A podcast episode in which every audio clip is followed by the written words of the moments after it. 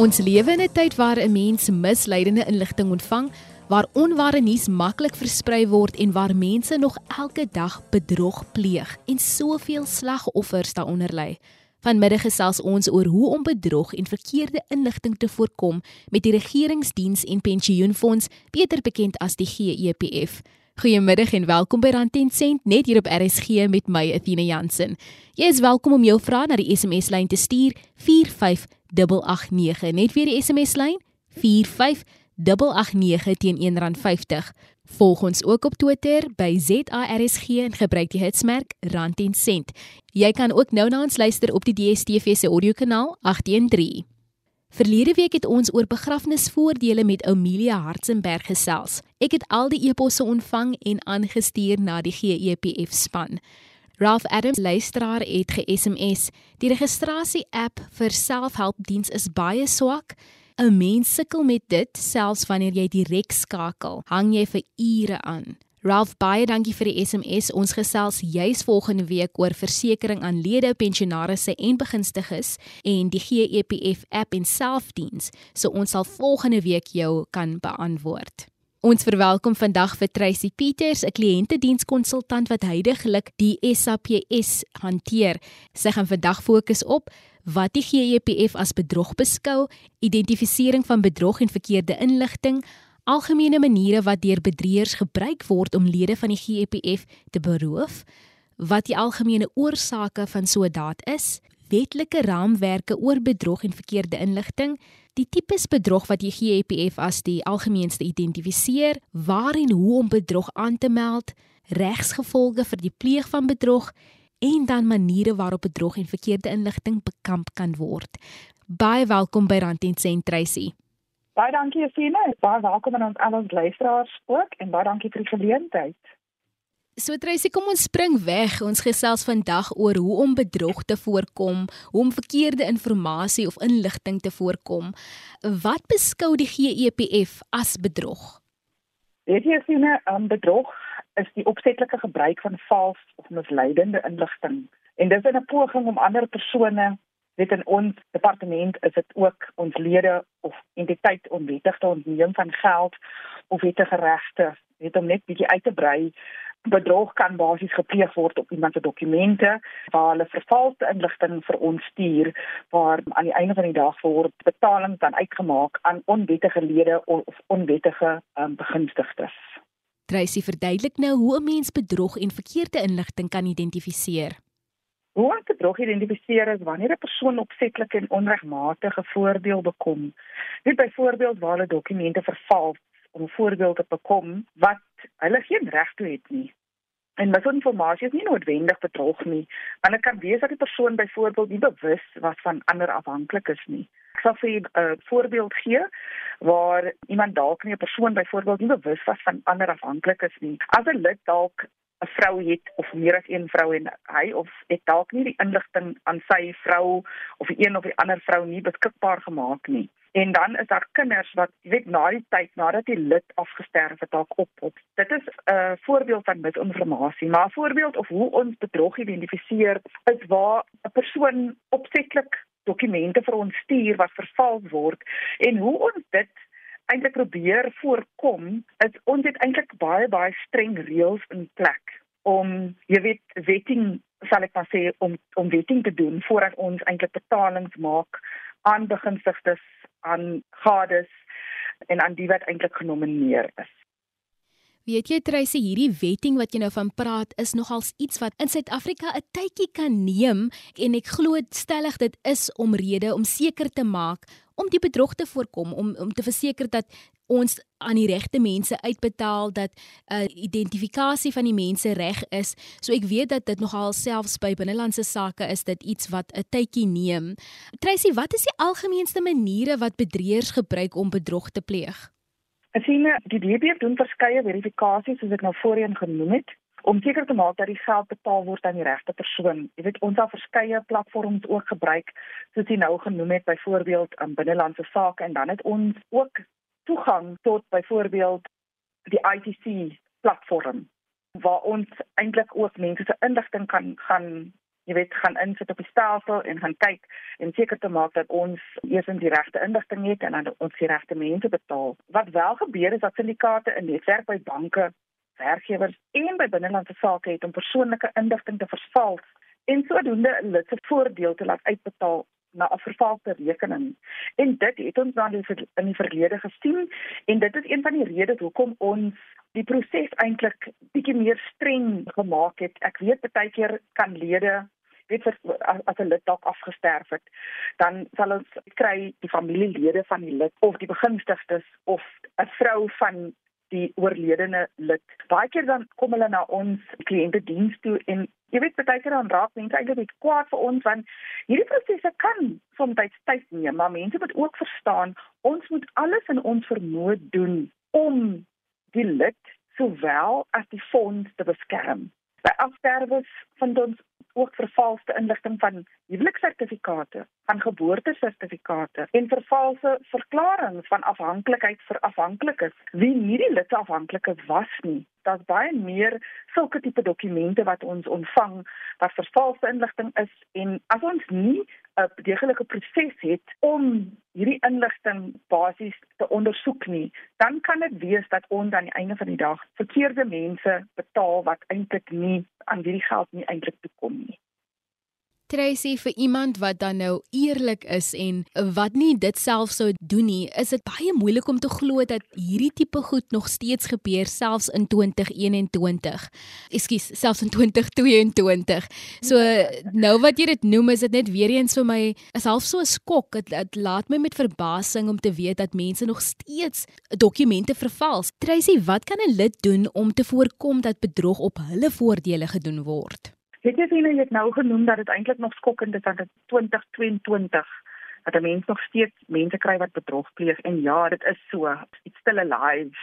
Daar's paar goed wat mense wel kan doen van hulle kant af as 'n lid terwyl jy nog in diens is. Jy weet wat jy kan doen, inligting wat jy kan opdateer, inligting wat jy aan ons en aan die werkgewer kan verskaf om net sekere van hierdie bedrog te voorkom. Lede kan seker maak dat kontakbesonderhede op datum gehou word by die werkgewer by binnelandse sake by SARS as ook by die GPF. En as hulle dit doen, as die kontakbesonderhede op datum is, want wat gebeur is ons het 'n aanlyn stelsel wat ons werkgewers gebruik wanneer hulle byvoorbeeld dokumente op die stelsel laai as 'n lid uit die diens uittreë.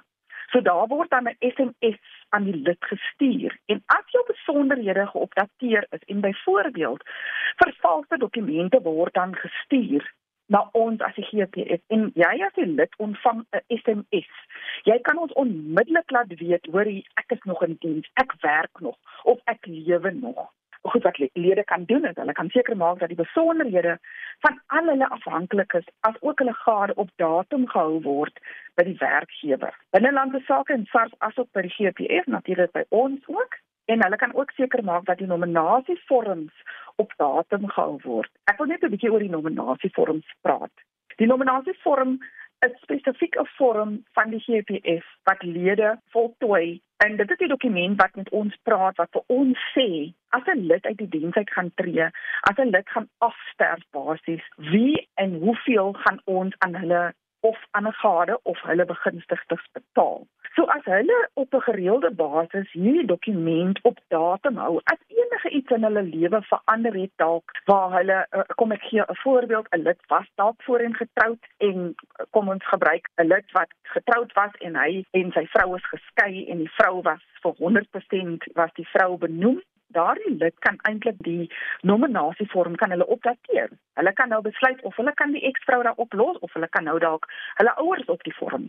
Jy weet of hulle kan 'n familielid of hulle kinders op die vorm sit. Maar om daardie inligting wat belangrik is, hulle moet seker maak dat die inligting geopdateer is, dat hulle self die dokument teken, dat jy weet dat daar datumstempels op is en so voort en dat die dokumentasie of uh, die attachment aangeheg word, byvoorbeeld hulle begunstigde se ID-dokumente kontakbesonderhede en so voort. Dit is een van die goed wat hulle kan doen om seker te maak dat ons hulle opgedateerde inligting altyd op ons stelsel het. En een van die ander wat hulle kan doen is hulle kan seker maak dat hierdie van die GPS aanlyn toep gebruik word waar hulle sekere inligting rondom hulle persoonlike profiel kan opdateer. En in die volgende episode sal ons 'n bietjie meer praat, 'n bietjie meer inligting verskaf omtrent die aanlyn toe. En dit is wat ons noem our self-service. Ek sal 'n bietjie meer praat in die volgende episode. En dit is eintlik 'n stelsel wat ons ontwerp het vir lede waar hulle nie dokumentasie hoef te voltooi nie, waar hulle dit in die palm van hulle hand kan hulle eintlik daardie inligting gaan opdateer. Jy's ingeskakel op RSG met Athena Jansen. Rand en sent word met trots aan jou gebring deur die SABC Opvoedkunde in vennootskap met die Regeringsdiens en Pensioenfonds. SABC Opvoedkunde, verryk denke, verryk lewens. Dan lede moet asseblief asseblief groot asseblief moet baie versigtig wees vir enige derde partye wat aan lede geld leen teen hulle pensioen. Ons kry nog steeds in 2022 mense wat ons pensionaarsse benader veral jy weet in die minder bevoorregte areas waar hulle mense so baie goed beloof om te sê ons gaan jou betaling vinnig laat uitbetaal. Ons vra geen betaling of um, kompensasie van ons lede om hulle dokumentasie te prosesseer. Dit is deel van ons verantwoordelikheid as die GEPF. Jy weet ons het al ondervind dat lede tot op 75% van hulle gratifikasie verloor het as gevolg van rente of ook fooie wat hierdie mense vir hulle vra. En dit is ongelukkig dat baie mense toekom aan hierdie misleiding deur party van hierdie maatskappye as hulle benader word. Dan mense raak so desperaat vir hulle geld Jy weet dat hulle allerhande stories en mense wat hulle benader, glo hulle vir hulle. Hulle moet asseblief baie versigtig wees. Jy weet net derde partye. Dan ook wanneer lede hulle pensioen na 'n goedgekeurde pensioenfonds laat oorplaas, moet hulle seker maak van die persentasie kommissie wat geëis word. Weereens ons vra asseblief ons lede, hulle moet baie versigtig die fynskrif lees. Hulle het 'n keuse om hulle geld oor te plaas na 'n goedgekeurde pensioenfonds. Dit word toegelaat, maar baie keer word die lede gemislei. Hulle word nie gesê dat daar 'n persentasie kommissie geëis word van daardie geld wat oorgeplaas word nie. Jy weet daar is 'n fonds wat jy kan oorplaas waar jy tot op 'n derde aan jou jou kan uitbetaal word op uitkeer of 'n maandelikse bydraes um, of aftrekkings is sulke aspekte is nie bedrog nie, maar lede het al baie finansiële verliese gelei. Dit is hoekom ek sê, lees asseblief baie baie versigtig die fynskrif en vra dat hulle finansiële adviseerders vir hulle al die inligting aan hulle verskaf want dit is dit is regtig so onregverdig aan ons lede. Jy het so baie jare gewerk en dan kom jy by aftree ouderdom en dan word byvoorbeeld 20 of 30% van jou jou geld geneem deur kostes wat nie dalk aan jou bekend gemaak was nie. Daar is ook wel baie finansiële adviseurs en ons praat nie sleg van hulle nie wat bedrog pleeg deur hulle voordoen te doen dat hulle vir GP werk en dan doen hulle aanbiedings op onthaalwe van die die GPF en dan bied hulle aan oor GP voordele wat nie dalk GP voordele is nie. Die mense word aan die neus gelei of deur die GPF onderskryf word nie. Ons het nie mense wat aan ons geonderskryf word nie. Almal wat ons lede help en wat die departemente help is aangestel deur die GPF. Indien lede nie seker is dat die persoon van die GPF is nie, kontak asseblief ons bedroghulplyn. Tracy, ons het vroeër gepraat oor hoe mense bedrog pleeg. Maar nou wil ek by hoor wat gebeur met 'n persoon wat bedrog pleeg. 'n bedrog is 'n strafregtelike oortreding word deur ons interne forensiese afdeling ondersoek. En van ondervinding weet ek, hierdie afdeling is baie baie deeglik met hulle ondersoek en ja, hulle word deur die GPF as hulle aangestel en indien genoeg bewyse gevind word, dan word 'n saak by die SAPS oopgemaak en waarna die SAPS die saak dan verder hanteer. Indien genoeg bewyse gevind word, dan word 'n saak by die SAPS oopgemaak waarna die SAPS die saak verder sal hanteer. En as die persoon skuldig bevind word, dan kan hulle baie moontlike straf uitdien. Daar is definitief gevolge vir sulke mense wat bedrog basies pleeg. So ons wil net aan ons lede ook sê behalwe al hierdie inligting wat ons met hulle deel en al die stappe wat hulle kan neem om bedrog te voorkom, dien dan dalk bedrog gepleeg word. Die mense kom nie weg met dit nie. Daar is 'n straf uitgedien en daar is gevolge vir hierdie persone. Jy's ingeskakel op RSG met Etienne Jansen. Rand en sent word met trots aan jou gebring deur die SABC Opvoedkunde in vennootskap met die Regeringsdiens en Pensioenfonds. SABC Opvoedkunde, verryk denke, verryk lewens. Tracy vroeër het jy genoem dat ons natuurlik bedrog kan aanmeld. So verduidelik vir ons, hoe kan ons dit doen? Ek gaan die nommer uitlees as jy net. Die blitslyn nommer is 0800 337 283. So die GPF het 'n GPF blitslyn en dit is nie ons gewone kliëntediensnommer wat hulle moet gebruik nie. Dit is spesifiek hierdie nommer as hulle enige bedrog wil aanmeld. Hierdie blitslyn waar moontlike bedrog aangemeld kan word, die persoon wat die bedrog aanmeld kan anoniem bly. Jy hoef nie jou naam of jou besonderhede daar te gee nie. Hulle moet asseblief so veel as moontlik inligting verskaf soos wie, wat, wanneer en hoe die bedrog gepleeg is en as hulle dalk bedra het en so voort. Die GP verskaf 'n verwysingsnommer en die persoon wat die klagte ingedien het kan later weer die verwysingsnommer gebruik om ook die klagte op te volg. Ek lees weer die blitslyn nommer uit. Dit is 0800 337 283. Met die blitslyn nommer het ons nou uitgelees en dan wil ek ook net noem die staatsdienswerknemerswerkers pensioenfonds het bewus geword van individue wat valslik as agent of amptenare van die staatswerkers pensioenfonds stel waar 'n fooi het aan ons lede pensionaars en begunstigdes te help om uitstaande fondse te eis. Aan die publiek en veral lede pensionaars en begunstigdes moet daarop let dat die lid die GPF direk met sy kliënte behandel en nie vir sy dienste hef nie en dit onderskryf nie agente nie maatskappye of enige derde partye individue om namens hom op te tree nie. Ons het dit voorheen genoem. Ek wil dit asseblief net herhaal. Ons lede moet asseblief attent wees op op dit.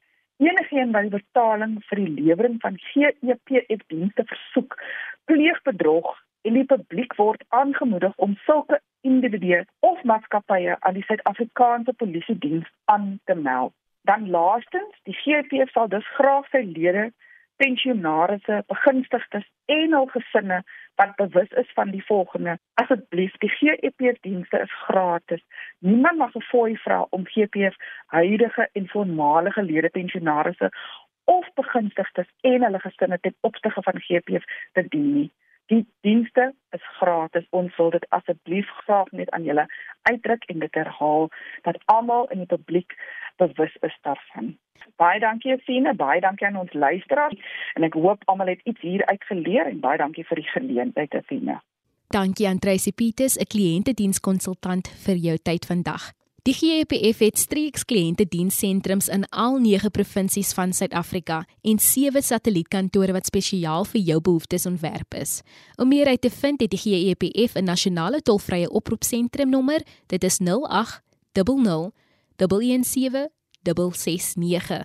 Oproepe na hierdie nommer is gratis vanaf enige Telkomlyn. 0800 117 669.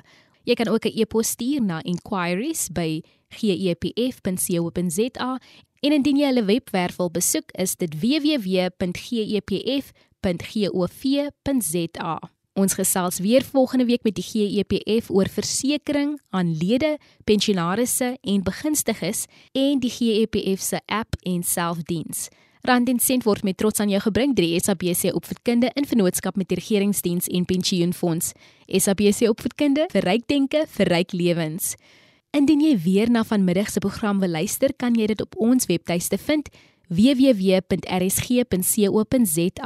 Tot volgende week, 'n geseënde dag verder.